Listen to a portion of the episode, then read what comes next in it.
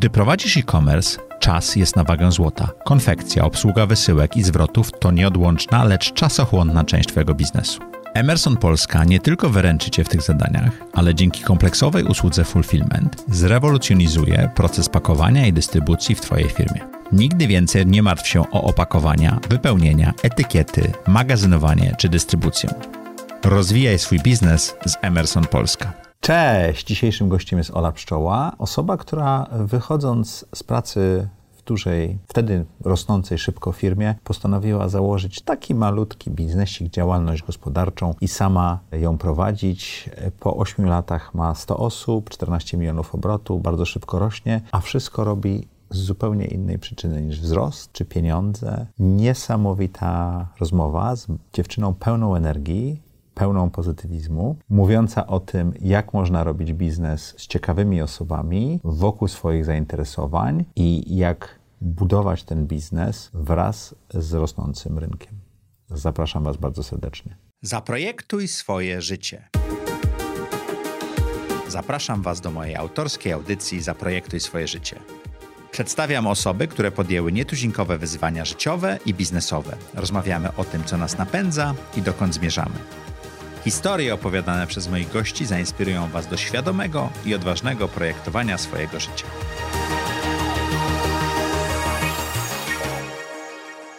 Witajcie w kolejnym odcinku audycji Zaprojektuj swoje życie. Jak co tydzień, w czwartek o czwartej zapraszamy dla Was interesujących gości, zadajemy im trudne pytania, zastanawiamy się, co ich napędza i jak zdobywali szczyty i jak pokonywali zakręty swojego życia. Jeżeli jesteście tutaj pierwszy raz, koniecznie dajcie nam lajka, zostawcie suba i zostawcie komentarz. Bardzo Was proszę, sztuczna inteligencja to lubi, a my lubimy sztuczną inteligencję. A dzisiejszym gościem, a raczej gościnią jest Aleksandra Pszczoła.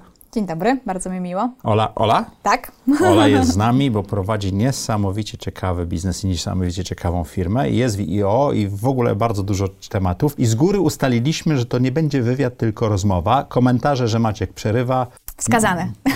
Oczywiste, nie macie co pisać. Olo, dziękuję, że przyszłaś. Ja bardzo dziękuję za zaproszenie. To tak standardowo. Jak wyglądało do tej pory projektowanie Twojego życia? To jest bardzo dobre pytanie, bo projektowanie życia jest taką chyba długo, długą drogą. To znaczy, to jest Mhm. taki, taki długą drogą, czy takim długim procesem, który pewnie nie da się zaplanować co, co do kroku, ale wierzę w coś takiego, że w jakiś sposób e, działamy z pewnego rodzaju e, intencją, z pewnego rodzaju jakimś, nie wiem, w jakimś kon- konkretnym kierunku, który, który do czegoś nas dobrego prowadzi. I w moim przypadku było tak, że ja bardzo szybko zaczęłam pracować, bardzo szybko, to znaczy Bardzo wieku... szybko. No właśnie, to znaczy w wieku nastoletnim e, miałam, mm, od początku może tak, byłam zaangażowana w kilka różnych e, takich organizacji, czy to w harcerstwo, czy też, nie wiem, chodziłam do szkoły muzycznej, więc zawsze miałam dużo takich różnych działań, a później, kiedy właśnie to harcerstwo mm, jakby częściowo jakby dało mi taką możliwość właśnie w pracy w firmie eventowej, to już zaczęłam właśnie działać. To było bardzo szybko, bo w liceum. To był taki mój pierwszy kontakt w ogóle z biznesem. Co prawda była to praca weekendowa, To były pierwsze zarobione pieniądze? to, to, to, to tak naprawdę nie były nawet pieniądze zarobione, bo Okej. robiłam to tak naprawdę z pasji i właściwie e, bardzo się cieszyłam, że w ogóle mogę tam Byłaś być, że mogę być. Wtedy tego tak nie nazywaliśmy. Przygoda z wolontariatem nastąpiła później, ale rzeczywiście to była bardzo fajna przygoda Mhm. dla nastoletniej osoby, która mogła rzeczywiście poznać, jak działa e, no już taki biznes, który jest robiony jeszcze jakby w niewielkim zespole,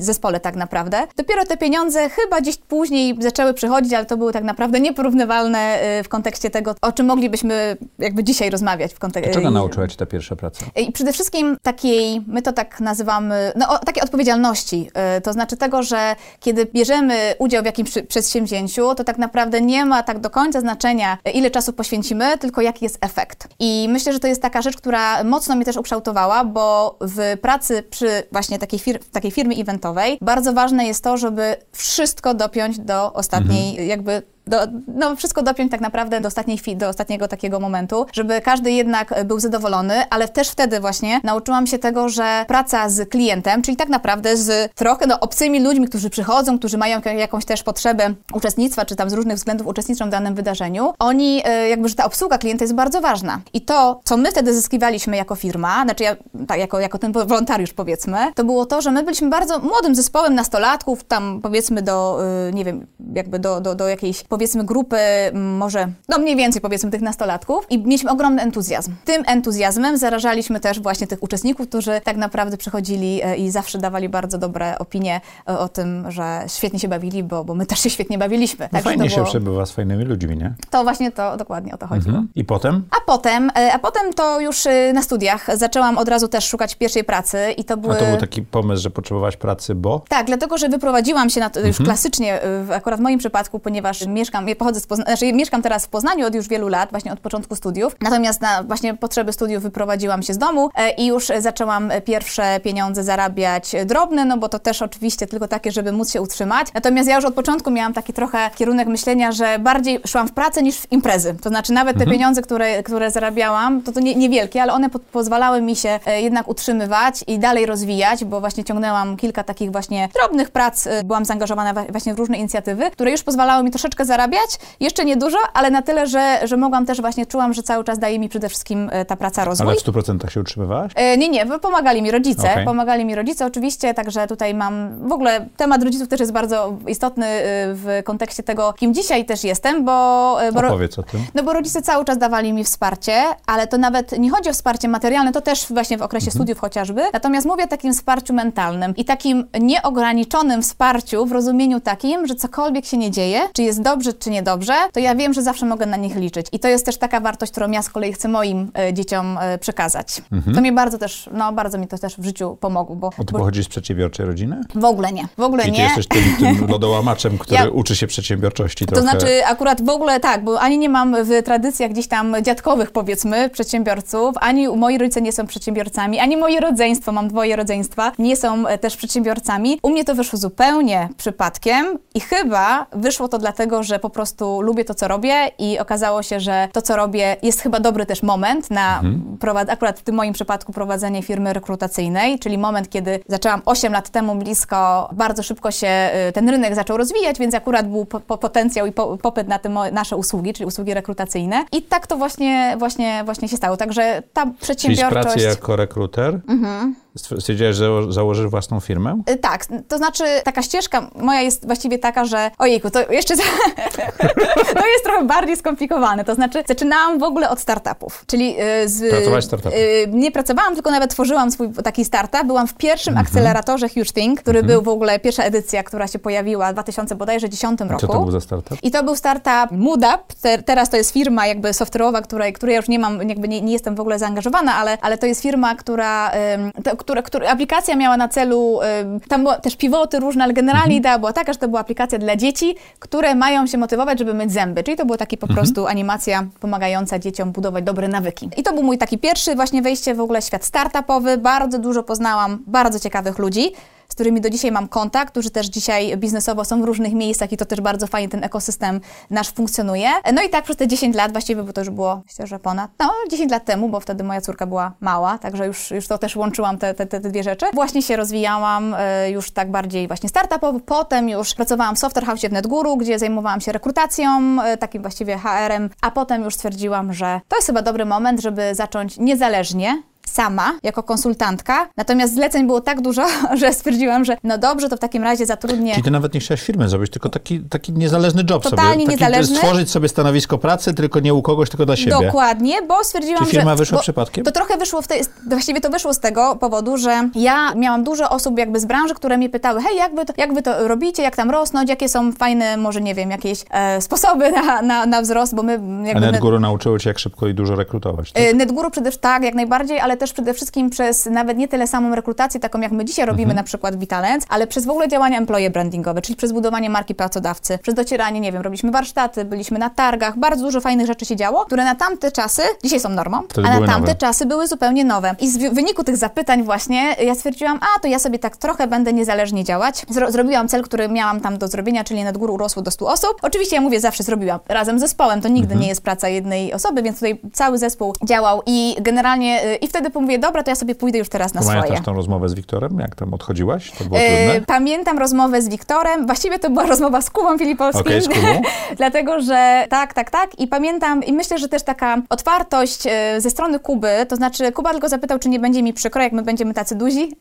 nie wiem, czy Kuba to pamięta w ogóle, Mhm. ale zapytał mnie o to, czy nie będzie mi przykro, a ja miałam totalnie spokój i mówiłam, "Mm, nie będzie mi przykro, bo jakby po prostu miałam jakieś już inne wtedy cele, inny pomysł Mhm. na siebie. Po trzech miesiącach, bo, bo też tyle czasu potrzebowałam, żeby mniej więcej oddać e, obowiązki, 1 kwietnia założyłam właśnie Mhm. Działalność Talent. Ta, To była to była działalność gospodarcza? Mhm. Tak, dzisiaj to już jest spółka, ale wtedy to była działalność. Ale to byłeś... 1 e, kwietnia, aprilis. pierwszym i jedynym pracownikiem. Byłam pierwszym, jedynym, no tak, jak najbardziej. To co się stało, że teraz jest 100 osób? Teraz prawie? już jest na setka, tak. Stało się to, że właśnie zapytań było całkiem sporo ja pracowałam zarówno jako konsultantka, jak i jako, y, już prowadziłam też jakieś tam procesy rekrutacyjne, no ale nie można być wszędzie i jakby nie da się robić y, kilku rzeczy jednocześnie. Prowadzenie warsztatów jest bardzo wyczerpujące. Ja bardzo też lubiłam tą pracę właśnie bezpośrednio już z klientami, bo to był głównie software house, ale też y, różne startupy, bardzo różne firmy. Ale pojawiły się też zapytania y, z firm zagranicznych, Dużych korporacji. tak, i jeszcze wtedy miałam taką bardzo ogromną przyjemność i świetną przygodę e, biznesową, współpracę z Davidem Bizerem,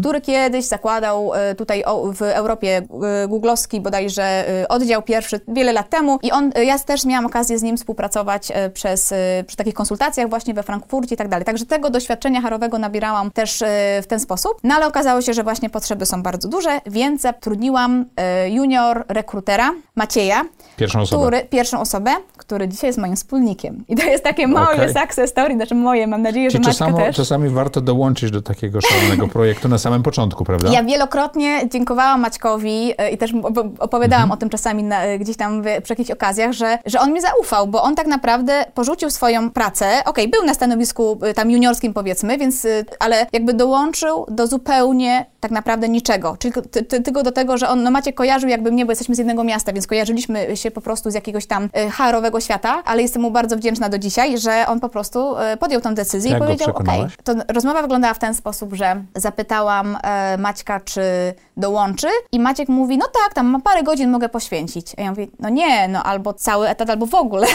to znaczy mniej więcej. Ja mówię, aha, mówi, okej, to dobrze, to dołączę. I po prostu podjął to ryzyko. To jak go znalazłeś? To też, to też był taki trochę zamysł. Właściwie Maciek mnie znalazł i Mhm. śmieję się, że pierwsza nasza rozmowa to była na pan pani, co w ogóle jest dosyć nietypowe, ale, ale śmiejemy się z tego do dzisiaj. Maciek napisał do mnie maila, mieliśmy się spotkać na jakiejś tam konferencji, swoją drogą w Warszawie. To nie doszło do skutku, bo ja byłam gdzieś tam zabiegana na tej konferencji i później e, stwierdziłam, że e, jest bardzo dużo wydarzeń takich e, dla programistów, ale brakuje wydarzeń HR-owych. I zaczęłam organizować z grupą innych HR-owców HR meetupy. I to były takie spotkania, które potem też fajnie się rozwijały jeszcze. Ja już długo nie prowadziłam ich, a one cały czas się, się rozwijały.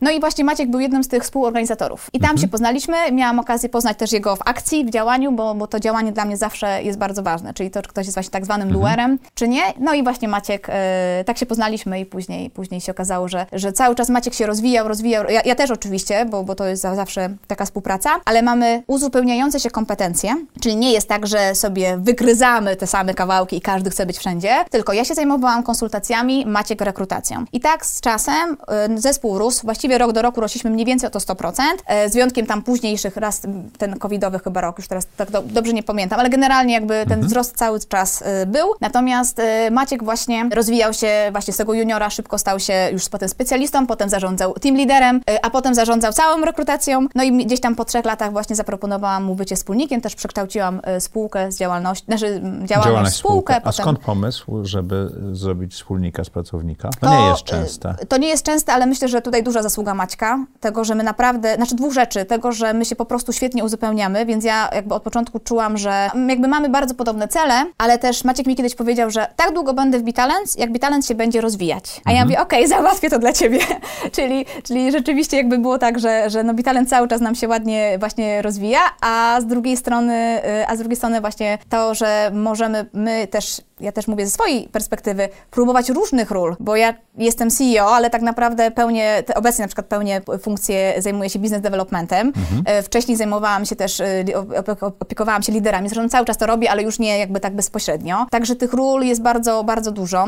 Zdarzało mi się jeszcze niedawno nawet prowadzić rekrutację, także to tych ról pełnimy dużo i wydaje mi się, że to też jest takim kluczem, że my lubimy to, co robimy, jesteśmy naprawdę jakby pasjonatami tej dziedziny, natomiast oprócz tego właśnie cały czas prowadzenie firmy daje nam możliwość zwiększania tych swoich kompetencji w tych obszarach, na których nam najbardziej w danym momencie zależy. A skąd miałaś pomysł, żeby Maćka zrobić wspólnikiem? To było chęć utrzymania go, czy chęć wynagrodzenia go za ten wysiłek, czy, czy coś mhm. zupełnie innego? Taka chęć jakby zrobienia z Maćka wspólnika, czy jakby zaproponowania mu tej mhm. roli właściwie, ona wyszła bardzo naturalnie, dlatego, że ja zawsze staram się, jakby mam taką, taką, taką ideę, że to, co dzielimy, zazwyczaj mnożymy, tak? Czyli jakby w rezultacie się mnoży, czyli mam tutaj na myśli to, czyli to, że... że oddasz udziały, to nie znaczy, że będziesz miała mniej, tylko będziesz miała... Zdecydowanie. Kawałek, ale z czegoś większego, tak? Tak, znaczy ja w ogóle przez lata nie myślałam o firmie w kontekście tego, co ja z tego będę miała. W ogóle do teraz tak nie myślę, bo to mhm. już jest... Okej, okay, jesteśmy na innym poziomie, no nie ukrywajmy, mhm. że jakby już trochę mówimy o innym poziomie też przychodów, natomiast my zaczynaliśmy od całkowitego dzielenia się tym, co zarobimy. Czyli też moją obietnicą od początku było Maciek, mogę Ci zaproponować tylko tyle, bo ja w ogóle Ile też... zarobimy? Tyle, ile zarobimy, bo ja też zakładałam firmę bez żadnych naprawdę większych oszczędności, bez pożyczonych pieniędzy. Akurat to jest rzecz, której chyba jestem y, też zadowolona,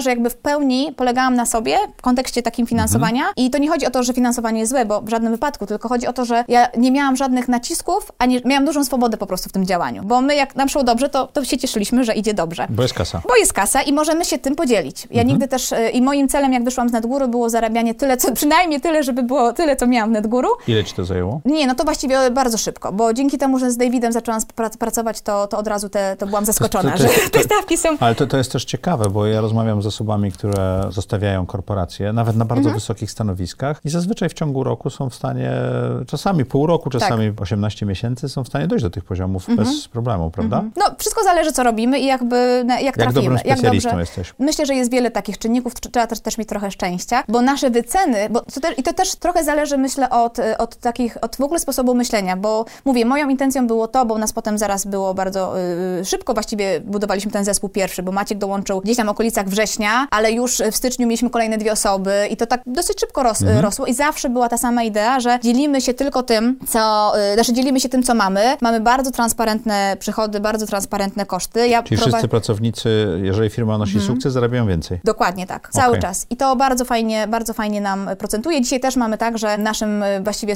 wszystkim, wszyscy pracownicy otrzymują premię z taką roczną, mhm. bo oczywiście dzisiaj ma to inną formę, już taką bardziej dojrzałą. A wtedy mhm. było, ok, słuchajcie, mamy tyle i tyle, dzielimy się według jakichś tam no schematów. jak masz kilkanaście bo... osób, to też jest łatwiej to wytłumaczyć, nie? Jak Oczywiście. masz kilkadziesiąt, czy dochodzisz do stu, to już nie jesteś w stanie tak, tak. bezpośrednio przekazać tej, tej informacji. Tak, tak. Ten nasz model zakładał właśnie y, jakiś tam cap, ale generalnie zakładał, czyli jakąś tam górną granicę, ale zakładał przede wszystkim stały poziom plus procent od tego y, przychodu, nie od zysku, mhm. tylko od przychodu. A ja też miałam działalność gospodarczą, ale traktowałam to od początku jak osobną e, firmę. osobną firmę. Nigdy nie, znaczy starałam się nie, nie mieszać tego. Sobie wypłacałam od początku wynagrodzenie, jeżeli oczywiście było e, to z wynagrodzenie czego? z czego, ale mówię, tutaj akurat na końcu. E, zazwyczaj tak jest. Jeszcze raz pamiętam, bo my mieliśmy dużo szczęścia, bo zawsze te pieniądze gdzieś tam były, były. bo po prostu bardzo byliśmy szczupłą organizacją, w tym rozumieniu, mhm. że nie mieliśmy żadnych nadrzędnych, jakichś tam kosztów dodatkowych, mhm. które ja też nie miałam żadnych potrzeb, oprócz opłaty, wiadomo, takich jakichś tam podstawowych rzeczy. To też powodowało, że dawało nam taką właśnie swobodę, że, że jak już w ogóle trafiliśmy na takiego e, klienta, e, który był stałym naszym klientem, nawet nie mówię o tych pierwszych, ale takim, który po jakimś czasie dołączył do nas, to też dzięki, i to była firma STX Next, to mhm. dzięki temu klientowi też bardzo mocno urośliśmy. I myślę, że dzisiaj by, też byśmy nie byli w tym miejscu. To to znowu, to są takie właśnie przypadki, albo i nie przypadki, które powodują, że nie projektowałam tego, że musimy mieć tego konkretnego klienta, ale zależało mi od początku na takim, takiej współpracy stałej, gdzie mamy w miarę przewidywalny model, przewidywalny taki, taki kluczowy, kotwiczący klient, który tak. ale nie jedyny, na którym się, tak, ale tak. nie jedyny, na którym się opieramy. To też tak? może być niebezpieczne. To, tak, tak, oczywiście. Tak, jest... Miałem kiedyś taką agencję marketingową, która -hmm. skupiła się na jednym kliencie, który potem wymówił umowę. No to są bardzo przykre historie tak. później. Trzeba jednak mieć Powiedziałaś jedną rzecz, którą chciałbym podrążyć, jeśli pozwolisz mi, bo bardzo często mamy ludzi, którzy opowiadają, że w swoich związkach, y, właśnie jak ktoś podejmuje taką ryzykowną decyzję, mm -hmm. to ta druga strona wspiera. I ty powiedziałeś, że wskoczyłaś w e, robienie własnej firmy tak bez e, oszczędności, bez tak. niczego. Jak się umówiliście w domu? Czy to, bo, bo mieliśmy Anię Borowską i Wojtka Borowskiego, którzy opowiadali, jak to jedno pracowało, a drugie próbowało, aż w końcu jednemu jednemu wyszło i drugie mogło zacząć robić coś innego. Tak. Jak się umówiliście w domu, jak robiłaś własną firmę? Czy, czy, czy była jakaś taka rozmowa? To, to, to, to jakby Dziewczyna, to czemu jeszcze... rzucasz tą pracę, tak? Znaczy ja bym powiedziała, że to jest jeszcze osobny temat, też bym pewnie, ja bym go tak bardzo z kolei nie drążyła, bo to był akurat moment, kiedy ja mieszkałam sama z córką. Aha. Więc jakby to, to było Czy ty tak, że założyłaś firmę? wszystko się działo w jednym roku. Wow! Tak było. Ale jakby okej, no jakby człowiek, który Czyli jest to dany był na siebie... bardzo dużych zmian w swoim życiu. To był tak, ale jakby ja tego znowu z perspektywy czasu, ja- oczywiście to jest tak, kiedy się myśli o tym, czy, da, czy drugi raz podjęłabym te same kroki, pewnie, pewnie by mnie to przetłoczyło, ale jeżeli się już jest w danej sytuacji i właśnie chyba to Czy poczucie... jak zmieniasz swoje życie, to zmieniasz je To znaczy, w wielu miejscach. ja zawsze mówię, no po prostu chyba trafiałam y, na, na dobrych ludzi i też właśnie to, że, że no miałam y, pierwszy, ten pierwszy, znaczy cały czas zespół jest, jest super, Bita, zespół Bitalens, na którym mogę bardzo polegać, ale naprawdę to było bardzo, myślę, fajne, że my, nie było żadnej roszczeniowości z niczyjej strony i nasze stawki wtedy dla klientów były bardzo, bardzo, mówiąc Atrakcyjne. wprost, niskie. Jakby to, bo one po prostu były, dopiero zaczynaliśmy, nie znaliśmy nawet rynku, chcieliśmy pokazać swoją wartość i tak dalej, więc ja robiłam warsztaty za całodniowe warsztaty w innym mieście, na przykład, nie wiem, do Wrocławia jechałam za, nie wiem, na 2000 zł. Jakby, I to było okej. Ale Dla koszt mnie- podróży, czas, to nie jeszcze, to liczyłaś były tego jeszcze. początki, to było 8 lat temu, nie? 7 A, lat temu. e, to, to, to dobrze, bo, bo też jest dyskusja o, o cenach, to jesteśmy w dobrym Mhm. miejscu. Ceny jest bardzo ciężko podnosić. E, Tak. Jak zdecydowałaś się być e, firmą, która do, dostarcza jakościowe usługi tanio, Mhm. to jak potem chciałaś podnieść cenę, to było ci trudniej z tymi klientami? Czy robiłaś to na nowych klientach? Bardzo różnie. Znaczy rzeczywiście te no, re- rekrutacje też mają taką charakterystykę, że ci klienci się zmieniają, no bo to nie Mhm. są, znaczy to są, oczywiście teraz mamy bardzo fajne, duże, stałe współprace, zaraz może do tego przejdę, bo to konkretnie chodzi o zmianę modelu. Natomiast e, dwie rzeczy, jeśli chodzi o, o, o ceny. Od początku mi zależało, żeby praca moja, czy pra- praca w ogóle naszego zespołu była wynagradzana jakby fair. I to nie chodzi o to, że stawki muszą być wysokie, ale o to, że na przykład jeżeli robimy rekrutację, to rekrutację robimy z, za tak zwany retainer fee, czyli opłatę wstępną i potem za success fee. E, Dzisiaj mamy zupełnie inny model, bo mamy model e, tak zwanego RPO, e, to znaczy model stałej współpracy, kiedy nasz rekruter jest stricte poświęcony jakby jednemu klientowi, to czy Taki czasami... trochę body leasing. Y, Właśnie nie do końca, bo jakby mamy też dosyć mocno te, te granice rozdzielone, czym jest body leasing. Body leasing jest raczej wydelegowaniem i niedbaniem, że tak powiem, o tego pracownika, a my w Bitalents, wszyscy, każdy z nas ma lider, każdy z naszych rekruterów ma lidera i ma te same procesy i A działa gdzie te na tych osoby samych fizycznie narzędziach. siedzą? Proszę? Gdzie te osoby fizycznie Wszyscy siedzą? jesteśmy zdalnie, w całej Okej. Polsce, w różnych Czyli miastach. cała, cała firma jest zdalnie. Tak jest. Mhm. Czyli pracując dla klientów to jest ok. Tak. Czyli w pewnym sensie, bo body leasing rzeczywiście to jest, no, upraszczasz procesy Tak. m, płacowe, tak przede wszystkim, Tak, tak? tak, tak. A w tym momencie oni są częścią zespołu Bitalents i, i jeżeli coś się nauczy zespół Tak. Bitalents, to oni dostają tą wiedzę, tak? Oczywiście, dostają wiedzę, ale przede wszystkim klienci też mają opiekę taką, bo robimy i retro, czyli takie spotkania z Mhm. klientami, no to klasyczne już jakby procesy, które mają na celu też poprawę jakości, y, badanie tych procesów, gdzie jesteśmy, w którym momencie i co jeszcze można zrobić, żeby było lepiej, bo A rekrutacje z drugiej strony mają trudne. osobę, która zna ich firmę, prawda? A z drugiej strony jakby tak, jak najbardziej. No i to są też świetne historie, kiedy nasi rekruterzy dostają prezenty, welcome paki od naszych klientów albo są zapraszani na integrację. To Mhm. jest też fantastyczne, kiedy naprawdę czujemy, że mamy po drugiej stronie partnerów, zresztą my naszych klientów nazywamy partnerami. Natomiast jeszcze jedną rzecz chciałam powiedzieć a propos cen, bo tak, jeśli, jeśli da, mogę... dajesz o cenach, a potem zapytam o ten model. Dobrze, bo wspomniałeś, y, bo wspomniałeś też to, co się stało, że te ceny, czy nam było trudno Nie, nie, podnosić b- ceny. Mhm. Wiemy, że jest trudno podnosić ceny, więc pytanie, jak to zrobiłaś? No właśnie, i to jest znowu kwestia e, zespołu, bo w pewnym momencie dołączyła do nas Kasia Michalak, Mhm. która po prostu przyszła i mówi, co to wy macie za ceny w ogóle? Co to, Rozwalacie rynek, tak? Ja tutaj pracowałam dla klientów z zagranicy, a to i to są zupełnie inne stawki, to tak nie może być. I to był super moment, w którym my mówimy, no dobra. I to pokazuje znowu, że trzeba naprawdę zatrudniać ludzi, którzy budują ten zespół, taką dodają, to ma, mają tą wartość dodaną, nie tylko którzy wykonują swoją pracę, ale którzy wnoszą coś więcej. Mhm. Czyli są osobami mądrzejszymi w pokoju i, i wtedy po prostu możemy się od siebie nawzajem uczyć. No, i rzu- rzu- rzucają ci pewne wyzwania, tak? Jako zdecydowanie, liderowi. zdecydowanie, zdecydowanie. To jest właśnie fantastyczne, no bo ja też wtedy czuję, że się A rozwijam. jak dostałaś taki feedback dotyczący, co to za ceny, to jak się z tym poczułaś? No, że trzeba coś z tym zrobić. Jesteś Wyzwanie, duerką. zadanie, tak. Jesteś duerką. Skąd pomysł na zmianę modelu i jak to zrobiliście? Do, do, do tego dochodziliśmy przez kilka lat. Y, To nie było super intuicyjne. Trochę, na, albo może nawet bardzo y, wynikało z rozmów z klientami, którzy też jeszcze w Polsce, bo my na początku docieraliśmy, ge- generalnie pracowaliśmy dla startupów i średnich firm. Teraz już mamy też korporacje, więc tutaj nawet głównie powiedziałabym, że korporacje są naszymi klientami dzisiaj. Natomiast też taka fajna dosyć przemiana, w sensie, że od tych firm, y, gdzie są szybkie decyzje, krótkie, y, przeszliśmy właśnie do tych większych klientów. Gdzie decyzje są długie. Gdzie decyzje są długie i procesy zupełnie inne. Ale też y, myślę, że to też jest fajne, bo, bo, bo takie zróżnicowanie tych klientów też pozwala nam znowu umieć nabierać tych kompetencji właśnie rozmowy z różnymi klientami. No i właśnie y, było w ten sposób, ten model, do, do, do tego modelu dochodziliśmy w ten sposób, że w wyniku rozmowy, znaczy cały czas zależało nam na tym, żeby mieć przewidywalny, powtarzający się y, przychód miesięczny, żeby nie bazować na, tylko na tym, czy my zrobimy daną rekrutację, czy nie. Też cały czyli model... model subskrypcyjny tak, bardziej czyli model niż dokładnie. e, sprzedażowy. Tak, dokładnie. I to, I to też ja i zawsze patrzyłam na software house, na to, jak software house'y działają, bo my nawet nigdy nie patrzyliśmy na agencje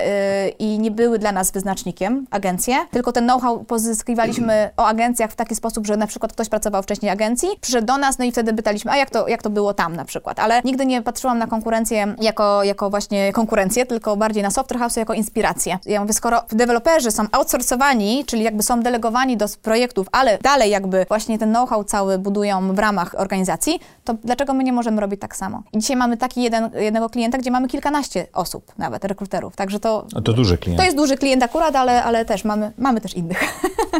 E, Wspominałaś o tych doświadczeniach z HugeFinga, z akceleracji i tak dalej. Jak te doświadczenia z obserwowania innych startupów, prowadzenia własnego i tak dalej wpłynęły na twoje prowadzenie Bitalents? Firmy zupełnie, między innymi opowiadałaś o tym, że agencje nie były benchmarkiem, ale czy coś jeszcze udało wam, udało ci się wyciągnąć? Myślę, że moje w ogóle doświadczenie jako konsultantki, czyli jako osoba, która w jakimś tam obszarze pomaga firmom, doradza, czy, czy po prostu wspiera pewne procesy, było ogromnym, tak, pozytywnym bodźcem i też takim, no taką też lekcją tego, co powinniśmy zrobić u siebie, w sensie jak powinniśmy działać. Poza tym, dobrze zbudowane relacje y, z właśnie partnerami naszymi powodowały, że, zresztą to tak też ten rynek na szczęście działa i to też mnie, to też było, jest bardzo, myślę, budujące, że my sobie wszyscy, mam wrażenie, pomagamy. Czyli rozmawiamy, spotykamy się na lunche, rozmawiamy o tym, o tych swoich biznesach. Teraz właśnie korzystając z tego, że jestem w IO, robimy to samo, czyli dzielimy się wiedzą, pomagamy sobie po to, żeby też yy, nie popełniać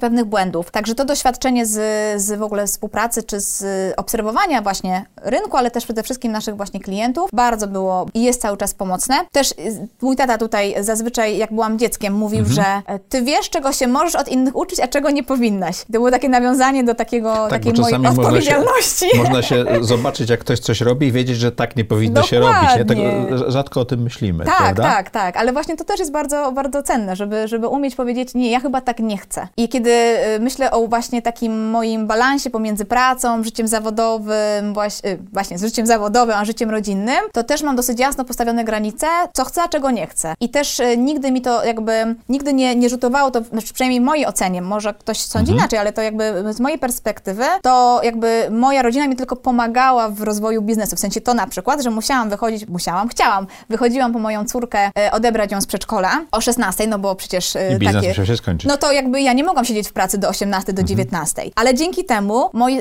współpracownicy, wspólni, wspólnik czy współpracownicy też nie musieli tak długo siedzieć, czyli nie było takiego, bo, bo tak trochę to działa na początku szczególnie, nie? Że, Te że weekendowe tam, maile od szefa powodują, że pracujemy w weekend, tak? Dokładnie, dokładnie. I mamy też, myślę, że w ogóle w całym Bitalent taką fajną politykę, oczywiście nie, nie robienia nadgodzin. Oczywiście te nadgodziny się zdarzają, ale potem jest ta- tam każdy musi, każdy lider pilnuje, żeby członkowie zespołu odebrali te, te nadgodziny i tak dalej. I to działa? Także to działa, to działa, no bo pilnujemy tego dosyć mocno, dbamy o ten balans. Natomiast też myślę, że to też aż nie jest aż tak duże wyzwanie dzisiaj, ponieważ dla zespołu jest bardzo ważne, żeby ten balans mieć. Bo takich ludzi zatrudniasz i oni się albo się uczą tego w firmie, Myślę, tak? że tak. Myślę, że generalnie są, są też takie czasy, że, że, że to jest po prostu ważne. Że Mhm. już nie myślimy o pracy y, jak tylko, ty, tylko w kontekście jakby tego celu w ciągu dnia, Mhm. tylko myślimy raczej o tym, co będziemy robić po pracy. A czy to nie jest tak, że jak masz ten deadline na 16 na odbiór córki z przedszkola, to jesteś dużo bardziej efektywna do tej 16? Zdecydowanie bo, tak Bo musisz to Tak, zrobić, tak, bo tak. potem nie zrobisz, prawda? Zdecydowanie tak. Ja, Ja- też, tak. Mi się zdarzają takie dni, że mam 3 godziny, 4 godziny wolnego i to nie jest tak, że zrobię dużo więcej tasków. One się Tak. po prostu rozciągają w czasie. Zdecydowanie tak jest i myślę, że takie upa- u właśnie jakby lepsza organizacja, jakby więcej zadań po prostu, ale to chyba też nawet badaniami gdzieś tam udowodnione, że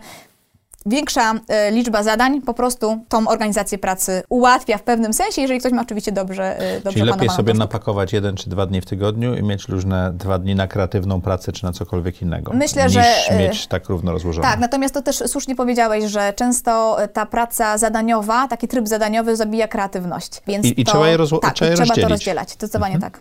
To a propos właśnie rozdzielania. W którym momencie w, przy wzroście no takim geometrycznym twojej firmy, jeżeli razy dwa dwa co, co, mhm. co roku. Już musiałaś zdjąć firmę z mikromanagementu, przestać mhm. zarządzać szczegółami, zacząć budować e, strukturę li, e, tak. liderów i tak dalej. Myślę, że to nastąpiło wbrew pozorom dosyć szybko z dwóch powodów. Kiedy pracuje się jako konsultant i jest się fizycznie u klienta, na przykład to są dwa dni warsztatów, to naturalnie no to się jest, wy... tak, naturalnie się jest wyciętym. Porównywałam sobie czasami tą moją taką nieobecność, co by się stało w firmie w momencie, gdybym, gdybym na przykład zachorowała na dłużej i jak ta firma będzie funkcjonować. No i okazuje się, że y, przez lata oczywiście wiadomo, y, popełniając różnego rodzaju błędy i tak dalej, no tego, to jest nieuniknione, ale uczyłam się, ale też moi jakby tutaj, czy cały zespół, liderzy, uczyliśmy się tej takiej właśnie w ogóle delegowania, podziału obowiązków i rozdziału odpowiedzialności, czyli tego, żeby czyli każdy... budowałaś tą firmę mhm. na to, żeby mogła być świadomie czy nieświadomie, zadam to pytanie, pod to, żeby ona była taka samosterująca i samodelegująca? Myślę, że nieświadomie, ale tak. To znaczy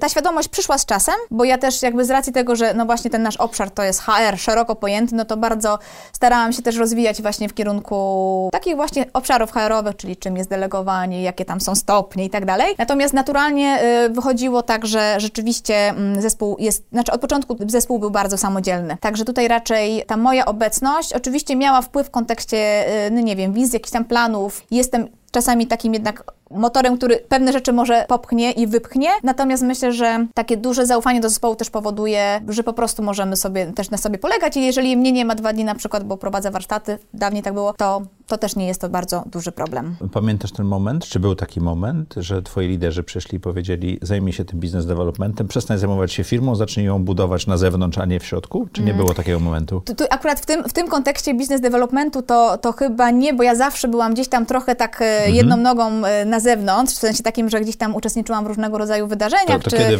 wyjęłaś tą drugą tak, nogę? Tak, ale, ale, ale był taki moment, że ja chyba sama, teraz trudno to pewnie mhm. ocenić mi jest, ale, ale w jakiś sposób sama czułam, że, że ja nie muszę być jakby w każdym miejscu, że nie dam rady. Ja chyba nie chcę nawet być w każdym miejscu. Czasami nawet sobie myślę, że jeżeli pewne rzeczy są załatwiane na, na poziomie na przykład liderów y, dzisiaj, to ja się tylko cieszę, bo ja nie, ja nie chcę o wszystkim wiedzieć. Ale to trzeba nauczyć się, żeby sobie odpuścić, prawda, jako, jako szef firmy. Tak, ale ja akurat nigdy nie miałam takich, takich, takich potrzeb, żeby być wszędzie i wszystko. Okay. Ja, ja się cieszyłam, jeżeli ktoś jest, ja się bardzo cieszę, jeżeli ktoś jest samodzielny. To jest dla mnie najlepszy partner do współpracy, bo oczywiście zawsze wspieram, zawsze rozmawiam, jakby chcę wiedzieć, co tam, co się dzieje generalnie, ale nie chcę, jakby e, nie, nie muszę wchodzić, e, ja, ja wchodzę zazwyczaj wtedy, kiedy są problemy. Bo jeszcze był taki, ale jest jeden moment e, w naszym takim firmowym życiu, mhm. który był takim papierkiem lakmusowym, czy jeżeli mnie nie będzie, to sobie mhm. zespół poradzi. I to był moment, kiedy urodziłam, to półtora roku temu, kiedy urodziłam synka, bo wtedy chyba łącznie cztery miesiące nie było mi w ogóle w firmie. No i zespół sobie świetnie radzi. Więc jakby... I firma się rozwijała. Firma się rozwijała, więc jakby absolutnie, absolutnie... Jakie to było uczucie wrócić? Z radością wróciłam. W sensie z radością wróciłam, bo mówię, wow, ale super, ale super, że, mhm. że, że firma jest, y, fajnie sobie działa i, i ja mogę sobie znowu szukać nowej roli, bo ja wychodząc jakby na ten urlop Zamknęła macierzyński, pewne rzeczy zam, pozamykałam, tak żeby było czyste konto z mojej strony, czyli żeby nie było takich y, długo moich obowiązków. No i fajnie to się udało poukładać. Czy było dzień dobry, wracam do własnej firmy, czy jest dla mnie jakaś robota? Dokładnie. Na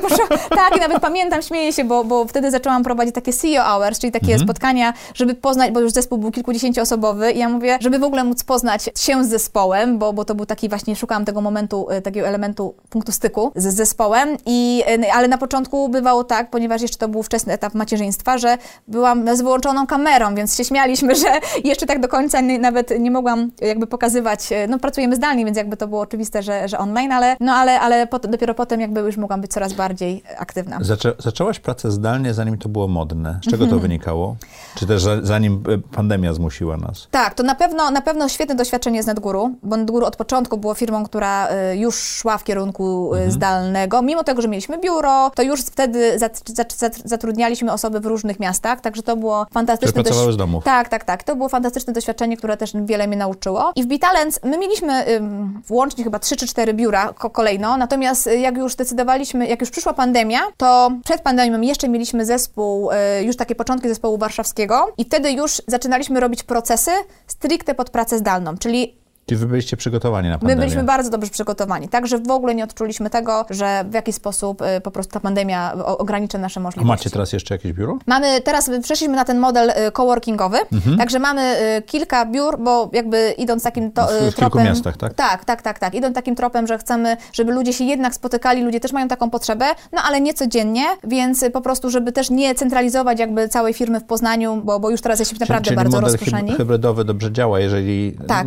się ludzi tego nie zmusza, tylko oni naturalnie do tego Tak, dążą, tak, prawda? bo do, do, do tej pory mieliśmy biuro y, takie 200-metrowe w Poznaniu, no i się okazywało, że spotykaliśmy się w trójkę, czwórkę i to było bez sensu, więc y, trochę odważna decyzja z tym coworkiem, y, to też decyzja mojego wspólnika, w sensie pomysł mojego wspólnika. Bo to jest droższe, prawda? Właśnie nie. Nam akurat patrząc na, znaczy zależy jak na to spojrzymy, ale generalnie w takim rozwiązaniu, które mamy dzisiaj, myślę, że jest korzystniejsze y, fi- finansowo. Także nie, nie, tutaj jakby nawet, bo to, to zależy na jakiej wartości też patrzymy, nie? Ale, ale rzeczywiście to jest tak, że my i tak wcześniej dawaliśmy możliwość pracy w coworkingu, więc jakby teraz po prostu mamy to ustrukturyzowane, że wszyscy jesteśmy w coworkingu, nie centralizujemy Poznania, tylko jest, y, wszyscy, wszyscy jesteśmy po prostu na tym samym poziomie. Okej, super. Słuchaj, chciałem z tobą pogadać o dwóch rzeczach, bo rynek bardzo się zmienia. Tak. Nadchodzi prawdopodobnie jakiś kryzys albo recesja. Jak rozmawiam z przedsiębiorcami, to zależnie od branży, ci, którzy mają branże, które wyczuwają do przodu, Mhm. to mówią, że będzie fatalnie. Ci, którzy mają branże, które są bardziej tu i teraz, jeszcze tego nie czują. Jak to wygląda e, w rekrutacji, szczególnie programistów, gdzie wy to widzicie? Czy Mhm. Tak. wy już widzicie tą różnicę, że duże firmy mniej rekrutują? Przepraszam, bo tu da- dajecie Tak, tak, odpowiedzi. tak. Jak to wygląda? Jak w 2023 będzie wyglądało? To ja y, nie wiem, jak będzie wyglądało, wyglądała przyszłość. Natomiast rzeczywiście. Jak się zapowiada? Tak, tak. Jako firma rekrutacyjna jesteśmy takim trochę odbiciem lustrzanym tego, co się dzieje, bo my bardzo szybko widzimy, czy jest zwiększa się zapotrzebowanie, y, czy tak zwane hiring plany się są większe czy mniejsze. To, co zauważyliśmy, takie, no na razie jest bardzo krótko jeszcze, bo mówimy o zmianach gdzieś tam od czerwca, kiedy zaczęły się pierwsze takie, takie sygnały. Y, Widzimy jakieś tam na przykład problemy finansowania w startupach, które są na tym późniejszym etapie. Jeszcze te Bo seedowe... startupom jest ciężej pieniądze Y, zdobyć. Jest cię, ciężej, no te seedowe jeszcze pi- pieniądze dostały, startupy, ale z kolei to nie do końca jest nasz też y, klient, no bo, bo są na innym etapie też y, w kontekście potrzeb rekrutacyjnych. Te potrzeby są, ale, ale niekoniecznie to jest moment, żeby jeszcze współpracować z agencją. Natomiast y, to, co widzę w dużych firmach, korporacjach, to właśnie to jest chyba taki moment, w którym przynajmniej na razie korporacje są odporne. Nie wiem, jak będzie wyglądał kolejny rok, bo rzeczywiście Czy nie widzisz jakichś w spadków? korporacjach wręcz przeciwnie. Widzimy, widzimy to, że na przykład zapotrzebowanie na naszych rekruterów się zwiększa. No ale to pytanie, czy Mhm. to wynika z tego, że oni przenoszą koszty z międzynarodowych lokalizacji, które są droższe, do Polski, która może być tańsza, E, Trudno mi prawda? powiedzieć, myślę, że to y, wynika bardziej z budżetowania, czyli tego, że ten budżet jeszcze jest, ale dlatego mówię, jeszcze nie wiem, jak będą wyglądać e, zapytania na nowy rok, no bo, no bo te współprace, które mamy, my też mamy takie wielomiesięczne współprace, ale, ale to po prostu zobaczymy jeszcze, no będziemy tutaj na bieżąco, o, o, ro- przyglądamy się. Natomiast rzeczywiście, jeśli mówimy o śre- średnich firmach e, i małych, to te firmy, to te firmy raczej są oszczędne, a na pewno jest im trudniej podjąć decyzję o w ogóle przystąpieniu do takiego procesu, e, bo raczej się rozglądają, czyli raczej dużo więcej dostajemy pytań, tylko się rozglądamy, jakie są koszty, ile kosztuje RPO, jakie tam mamy możliwości, jaką mamy dostępność. Natomiast tutaj, e, jeśli chodzi o duże firmy, no to tutaj raczej jest, raczej jest stabilnie. Ale Czyli mówię, to, że zobaczymy. masz rozłożony biznes na średnie firmy, duże firmy i międzynarodowe firmy też daje ci takie bezpieczeństwo, bo ten, ten rynek może się zmieniać, ale ma- masz różnych klientów, prawda? Myślę, że tak. No myślę, że gdybyśmy polegali tylko na jednej grupie, takiego je- jednym profilu Mhm. klienta, to byłoby nam dużo, dużo trudniej. To to zdecydowanie... Bo, bo jednak no, startupy podejmują, ze startupami jest, y, jest tak, że podejmują decyzje bardzo szybko, również takie, że, no wiadomo, że respektują Z- oczywiście zarówno, umowy. z- zatrudnienie, jak i zwolnienie takiej firmy. a prawda? dokładnie, dokładnie. Więc ale muszą te koszty ciąć szybko, no bo ten Mhm. tak zwany runway, czyli gdzieś tam te pieniądze na, na utrzymanie, nie, no też to jest ten moment, Mhm. tak samo jak w pandemii, kiedy nagle startupy mówią, ok, musimy zerknąć, co tam, jak dużo jeszcze mamy, Tak, no i poucinać koszty. jest za duży i... Dokładnie. Także, także, a y, do czerwca, bo mniej więcej my też widzimy taki, my, my sobie cały czas rośli, ro- rośliśmy jako firma, osobowo również, czyli pod, pod względem zapytań. Mieliśmy tak dużo zapytań, że trzeba było czekać 2-3 miesiące na w ogóle start rekrutacji i, y, a, i o tym świadczy też jakby, to też świadczy o tym, że to załamanie na, nastąpiło nagle, bo, bo jakby to zapotrzebowanie się zmniejszyło generalnie, ale to też właśnie pokazuje, że A, czyli, ten, się... czy, czyli wy w pewnym sensie nie wyrabialiście się, teraz się wyrabiacie, Tak. Teraz się wyrabiamy na ale to szczęście. wynika z tego, że rynek zwolnił. Tak, zdecydowanie tak. Zwolnił. To dokładnie. My jesteśmy totalnym odbiciem właśnie tego, co się dzieje na rynku. Okej. To teraz druga strona rynku, bo trąż, krążą legendy o tych programistach, Mhm. deweloperach, project managerach i tak dalej. Jak to jest? Dlaczego ta profesja może tak dużo zarabiać? Mhm. Dlaczego, wiesz, mówi się, że ktoś, kto właśnie nauczył się programować dycha czy dwie dychy, to nie ma problemu. Mhm. Z czego to wynika?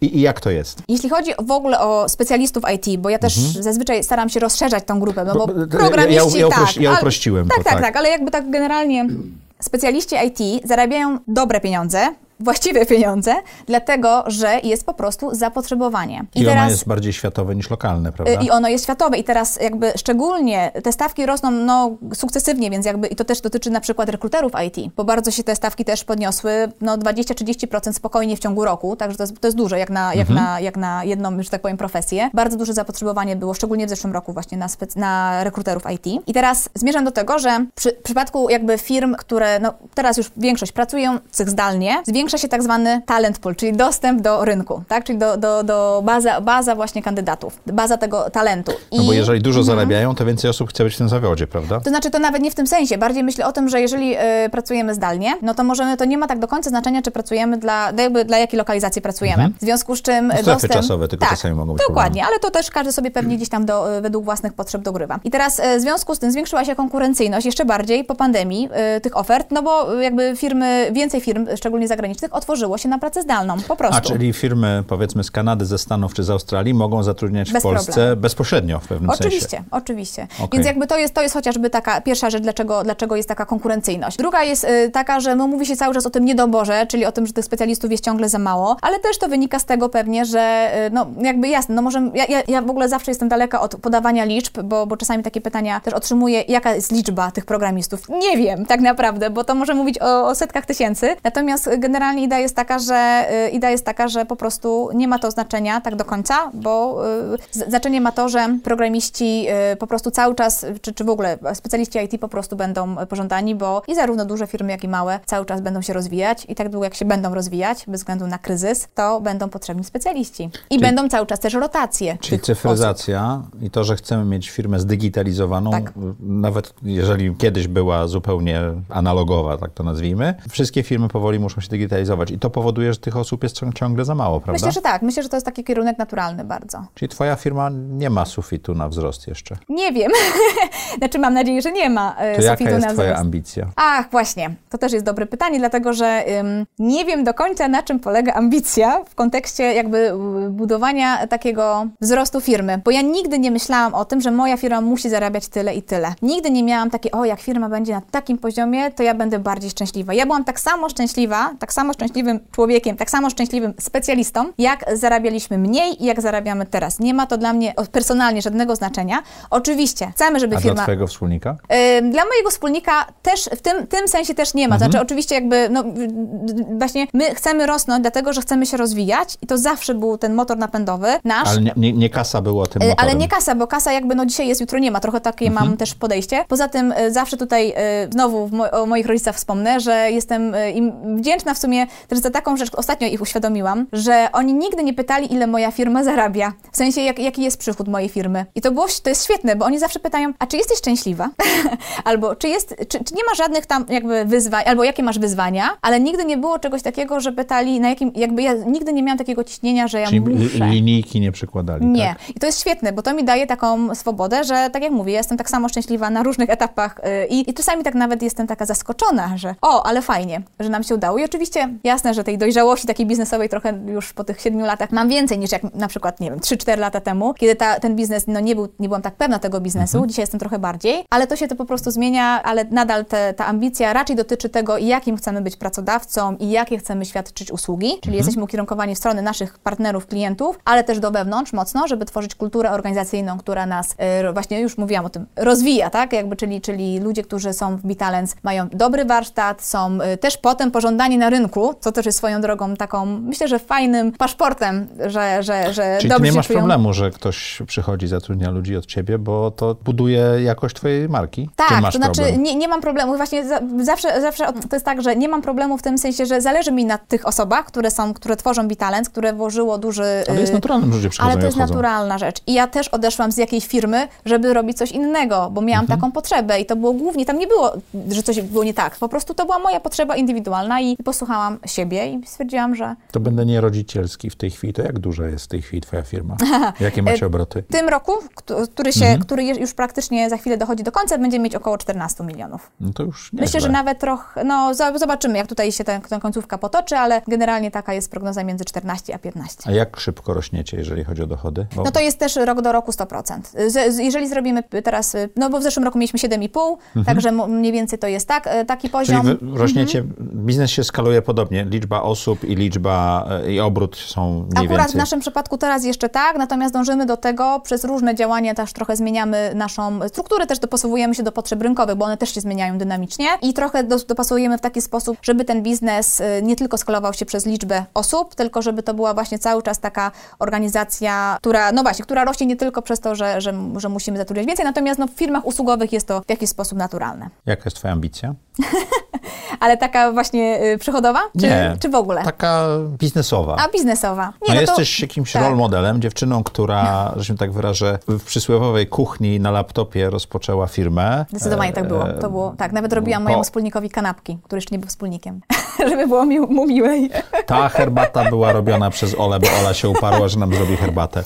E, coś w tym jest, jesteś duerką. Taka biznesowa, no jesteś, jesteś Tak. znaczy ja, ja ciebie traktuję jako osobę w 8 lat, 14 milionów, całkiem dobre zyski, jak zakładam, prawie 100 osób, no to nie jest łatwa rzecz do zrobienia. To znaczy, Quo vadis.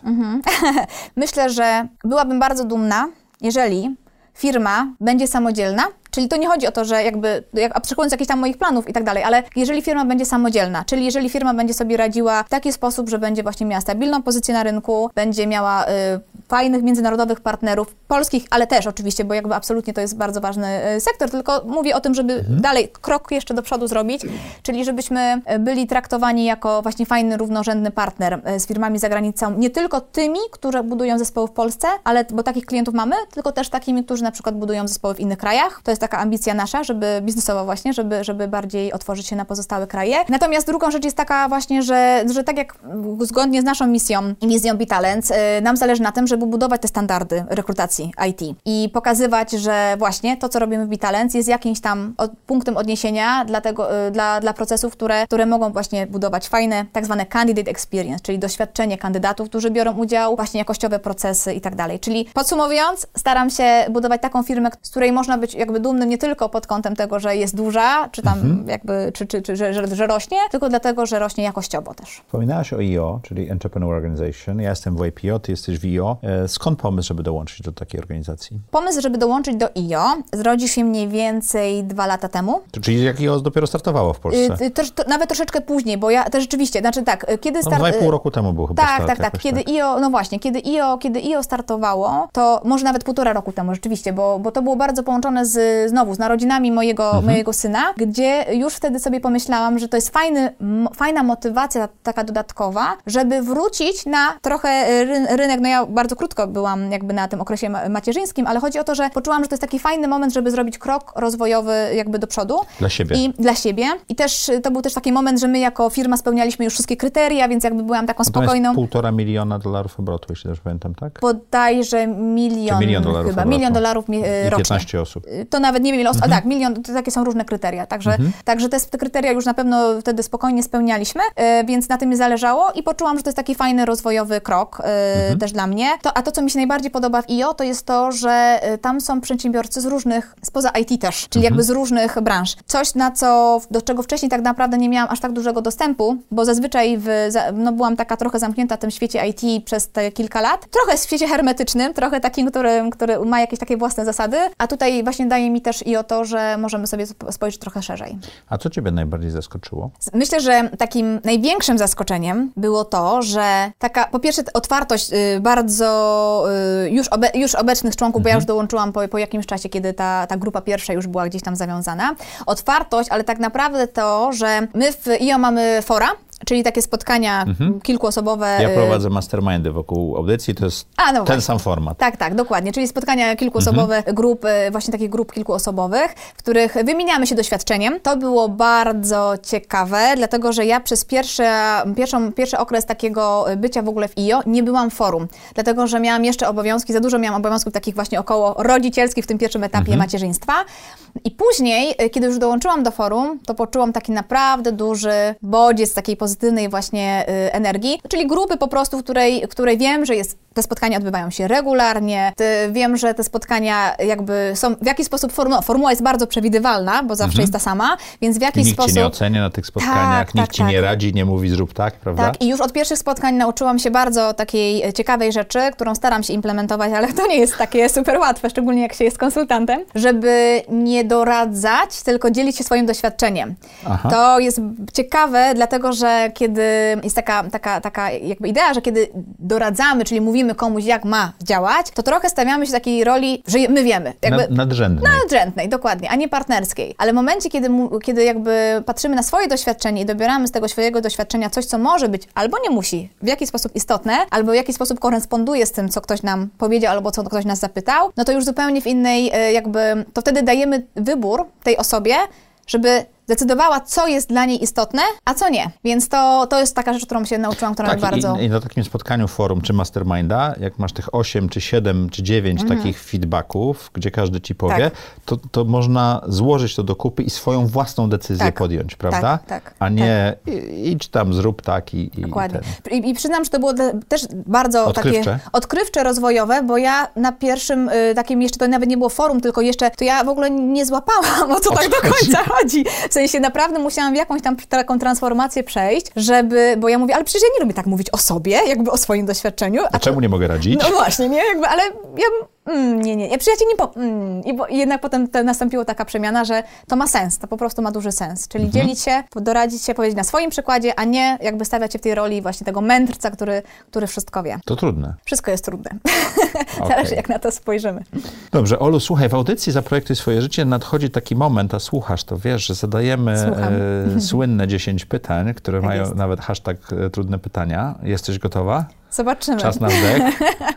Próbujemy. Czy możesz opisać najlepszą decyzję, jaką podjęłaś w życiu? Myślę, że najlepszą decyzją w kontekście takiej, jak rozmawiamy, było to, że postawiłam na siebie, czyli na, na taką niezależną na początku działalność jak, e, jak Bitalens. Bo myślę, że to bardzo miało duży wpływ na całe Niezależnie od życie. całego otoczenia i wszystkiego, co Tak. się działo w twoim życiu. Tak. Co daje ci najwięcej energii czy satysfakcji w życiu? Zdecydowanie to, co dzisiaj mi daje bardzo dużo energii, to jest ogromny komfort y, życia rodzinnego. Y, to, to znaczy zawsze też powtarzam, często powtarzam, że żeby nawet jak mamy swoje cele, nie wiem, w, tym roku miałam taką przyjemność wejść na Mont Blanc na przykład. I to, było, to był taki cel, do którego pół roku się przygotowywałam. Natomiast uświadomiłam sobie w pewnym momencie, że ja bym nie weszła na ten Mont Blanc, czy, gdybym nie miała odpowiednich warunków stworzonych również przez moją y, rodzinę. Czyli, no to wiadomo, jakby to jest cała już oczywiście kwestia i logistyki, bo te treningi trzeba gdzieś tam y, w jakimś, no, regularnie odbywać i tak dalej, ale też, y, ale myślę, że to też jest taka, to Ale też taka rzecz. wsparcie i zrozumienie, prawda? Wsparcie, zrozumienie, no i takie kibicowanie, ale przede wszystkim też, no właśnie takie stworzenie warunków tego, że tak, idź na trening, możesz jakby spokojnie, ja tutaj y, na przykład y, mój mąż mówi, ja tutaj wszystko ogarnę. Mhm. Albo, albo też to, że podczas samego, no tak, no to generalnie właśnie to jest, to jest taka, taka rzecz, która mnie bardzo mocno napędza, czyli to takie, takie oparcie w rodzinie, tak jak wspomniałam wcześniej o rodzicach, e, tak jak właśnie teraz y, o moim mężu, czy, czy dzieciakach, które, no wiadomo, są bardzo wymagające, ale też na koniec dnia bardzo, bardzo wdzięczne. I to, że udaje mi się trochę tak, w moim przynajmniej rozumieniu, łączyć to życie zawodowe z życiem rodzinnym też jest taką rzeczą, że czuję, że, że mam te priorytety tak poustawione, jak A lubię. jak to robisz? Łączysz czy przeplatasz? Czy, czy coś innego robisz? Prze- Na pewno przeplatam, no jakby też mam taki charakter pracy, który mi na to pozwala w jakiś pracujesz z sposób. domu większości. Bo pracuję z domu, tak, dokładnie, więc jakby to, to jest akurat e, dosyć wygodna sytuacja. Nie tracę czasu chociażby na dojazdy, które zawsze są takim czasem, no trochę nie wiadomo, to, co, to, co można w tym czasie robić. Także, ym, także to jest y, raczej przeplatanie, ale no staram się tak, staram się przede wszystkim w obu dziedzinach być efektywna, czyli po prostu nie, no nie zawalać. Natomiast zdarzało mi się też oczywiście z racji jakichś tam y, rzeczy. Pamiętam taką sytuację właśnie w przedszkolu, gdzie po prostu się nie pojawiłam na jakimś spotkaniu dla rodziców, w sensie, które dzieci, dzieci przygotowały dla rodziców. I, i to było raz. Zapomniałaś, czy? Y, nie w ogóle nie, nie, nie wiedziałam, że ono jest. Po prostu. A nie zarejestrowałeś, że, nie że zarejestrowałam, że jest. I, y, no i tutaj też mm, mądrość mojej, no wtedy malutkiej jeszcze córeczki, mówi, mm, ja przyszłam zapłakana, bo jak już się zorientowałam, o co chodzi, to byłam strasznie to przeżyłam. A ona mówi, nie przejmuj się, mamo, byłam ciocią Beatą, było wszystko dobrze. I ona mi dała taką znowu takie wsparcie, to jest to właśnie, Mhm. o czym cały czas trochę tutaj mówię, że takie wsparcie, że przecież ja jakby wiem, że zro, jakby zrobiłam coś nie tak, nie tak jakbym chciała, ale dostaję pełny taki kredyt zaufania właśnie Zrozumienie. i zrozumienia, że jesteś okej, że Mhm. nic więcej jakby zdarza się i jesteś okej. I to jesteś okej jest jak ze mną, Mhm. no mocno mi tutaj też w życiu pomaga. Jak wygląda twój typowy dzień? Typowy dzień jest dosyć dobrze zorganizowany. Jestem zaskoczony, naprawdę.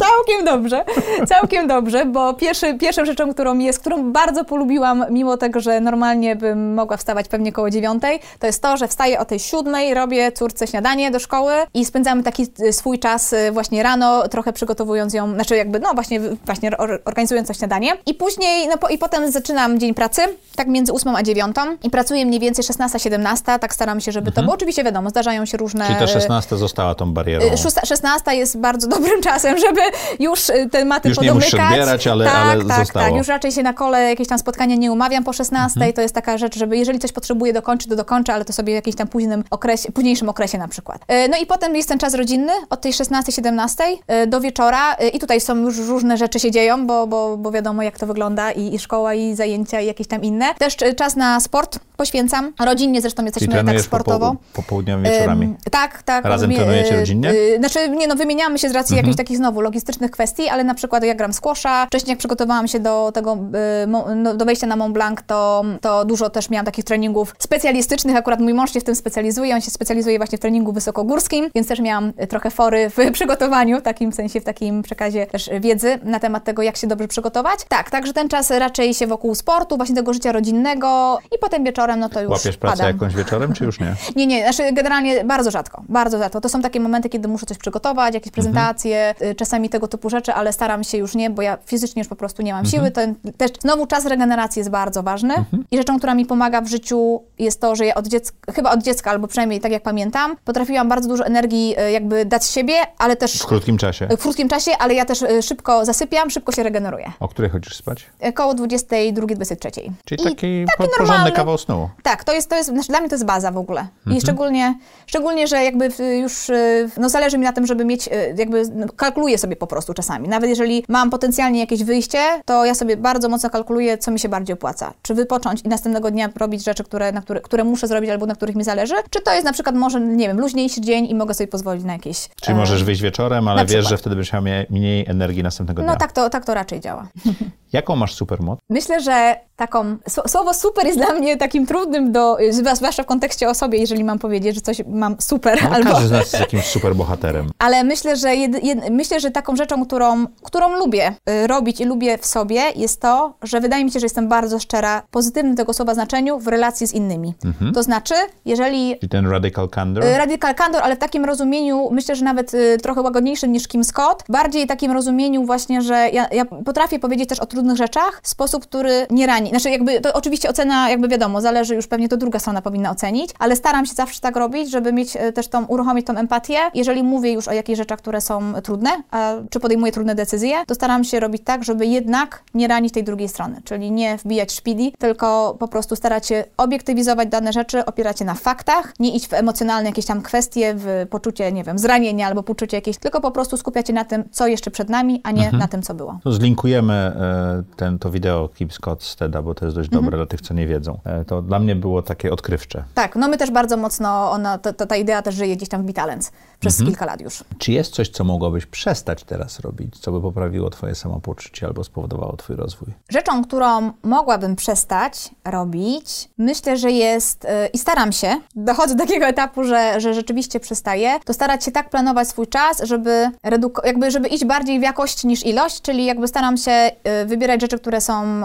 no właśnie dla mnie też w jakiś sposób wartościowe, rozwojowe, ale niekoniecznie, niekoniecznie korzystać ze wszystkich okazji, które się pojawiają. Czyli sztuka mówienia nie. Trochę to jest asertywność, tak. To jest to, to trochę kwestia asertywności, takim kwestii szczególnie pomagania. bo, bo co jakiś czas pojawiają się takie właśnie pytania o tym, jak można komuś pomóc, na przykład w kontekście, nie wiem, wejścia do branży IT. I to w sumie de facto ja się tym w ogóle nie zajmuję. W sensie jakby ja nie jestem na tym etapie zajmowania się tym, jak można wejść. Oczywiście znam branżę IT, więc trochę mogę pomóc, ale to jest taki właśnie obszar, którym, którym nie do końca zawsze mogę pomóc, ale czuję się w obowiązku pomóc, więc, więc tutaj staram się być też asertywna i raczej odsyłać do osób, które są specjalistami w danej dziedzinie. A masz takie FOMO, które tam czasami... Właśnie nie. Właśnie Nie. nie. Właśnie ja w ogóle nie mam FOMO. To jest też Czyli ciekawe. to jest, Nawet czy, czy to jest asertywność? To chodzi o ja asertywność. myślę, że to jest taka zadaniowość Mhm. moja, bo nawet jeżeli y, nie było mnie w kilka miesięcy w firmie, to, to, to darząc sympatią ogromną moją firmę, nie, nie tęskniłam w kontekście takim, że co oni tam robią, co tam się dzieje. Czyli ty jesteś tu i teraz. Ja jestem chyba tu i teraz skupiona tym na miejscu, danym... w którym myślę, siedzisz, że tak, tak? Myślę, że tak. A to bardzo dobra cecha. Dziękuję. Jak budujesz swoje wewnętrzne kręgi? Te osoby, które ciebie otaczają, mają Mhm. na ciebie olbrzymi wpływ, no bo sterują poniekąd twoimi Tak. myślami, odbijając je od ciebie. Jak dobierasz sobie ludzi tych wewnętrznych kręgów? Wydaje mi się, że ludzie, którzy, którzy są wokół mnie, ja, jakby wydaje mi się, że w ogóle zawsze miałam bardzo duże szczęście, Mhm. zaczynając od właśnie mojej rodziny, bardzo wspierającej, tutaj też y, właśnie y, moje rodzeństwo chociażby, które też, y, mam wrażenie, że każdy z nas jest zupełnie inny, ale bardzo się wspieramy. No przede wszystkim moja najbliższa rodzina, czyli mój mąż, moje dzieciaki, to, no i przyjaciele, dla których też chyba też jest ważne, żeby, no właśnie, żeby raczej, ja jakby raczej nie idę właśnie w ilość, tylko w jakość, mimo tego, że mam dużo znajomych, czyli mam dużo ludzi, których, których znam z różnych właśnie środowisk i tak dalej, to staram się poświęcać najwięcej czasu właśnie tym, na którym mi najbardziej zależy i chyba w ten sposób, to znaczy staram się po prostu jakościowo ten czas spędzać. Nie dobierasz tych ludzi, oni są po prostu, ciebie otaczają. Tru- trudno mi powiedzieć, czy dobieram, bo to chyba, mm, bo nie robię tego świadomie w żaden sposób. Okej. Ja nie kalkuluję. To, co lubię e, robić, e, żeby ten krąg wzmacniać, to inicjowanie różnego rodzaju wydarzeń, czy spotkań, czy wyjazdów. Tak jak IO na przykład. Tak jak IO na przykład, dokładnie, ale też właśnie pod kątem, y, właśnie czy takich, takich, szczególnie teraz tej pracy zdalnej, kiedy naprawdę dużo czasu poświęcamy y, sami przed komputerem na jakichś tam spotkaniach tylko online, to wydaje mi się, że ten, ten czas razem jest jeszcze, jeszcze ważniejszy.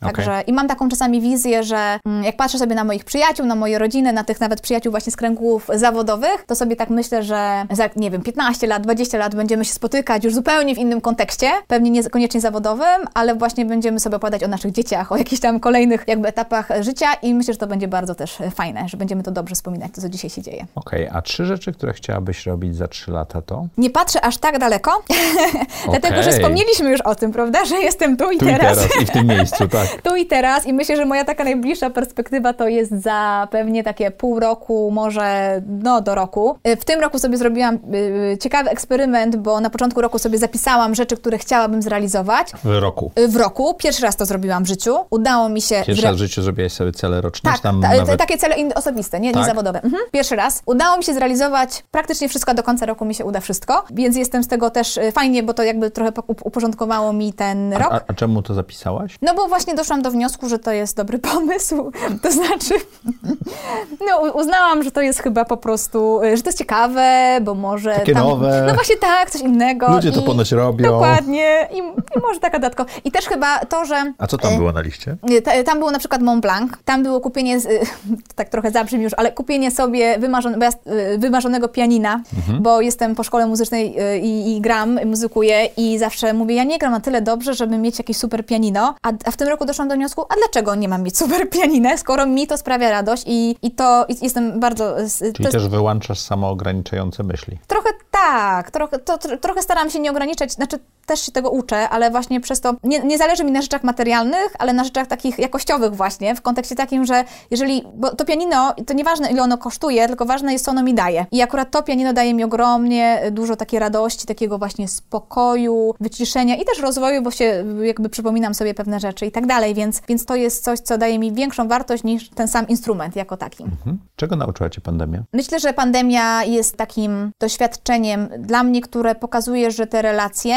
z najbliższymi są jeszcze, waż, jakby jeszcze ważniejsze niż były kiedykolwiek wcześniej. Bo mieliśmy po pierwsze bardzo dużo czasu, y, chociażby w gronie rodzin, tej najbliższej rodziny, gdzie mogliśmy spędzić y, razem. I to jest też świetny no, taki mo- moment na to, żeby, żeby się sprawdzić, kiedy nie ma innych rozpraszaczy. Z drugiej strony, dwa święta rok po roku spędzaliśmy osobno, dosłownie wyizolowani, bo akurat mieliśmy y, COVID, y, więc to też pokazuje, że to nie jest tak zawsze, że będziemy święta spędzać z rodziną. To nie jest dane na zawsze. Czy trzeba się też umieć jakby jakby w tym jakoś odnaleźć. Także myślę, że znowu bardziej pod kątem rodzinnym, bardziej pod kątem takim, takiej lekcji, że, że są priorytety i jeżeli dla mnie priorytetem jest rodzina, to trzeba to pielęgnować. Książka, która? Książka, którą wydaliśmy kilka lat temu, to jest książka Powerful. Wydaliśmy w tym sensie, że mm, autorki Patty McCord to jest y, amerykańska autorka, y, która dawniej pracowała w Netflixie i ona dużo no, jakby swojej pracy poświęciła kulturze organizacyjnej. To też jest mój y, z kolei konik. I Patty napisała książkę o tym, jak to ona widziała albo widzi, na tam, no, widziała na tamte czasy w, właśnie w Netflixie. I my,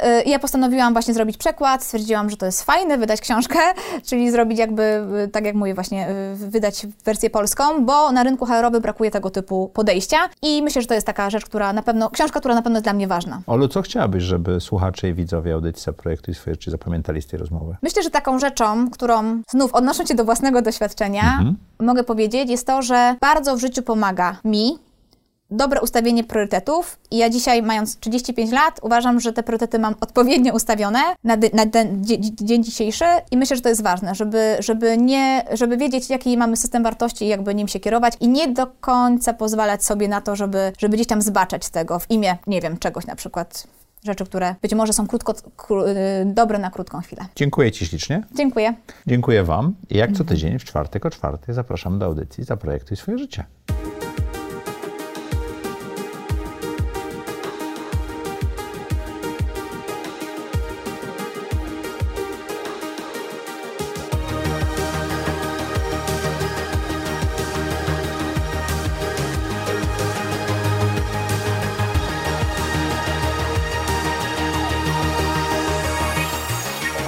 Zaprojektuj swoje życie.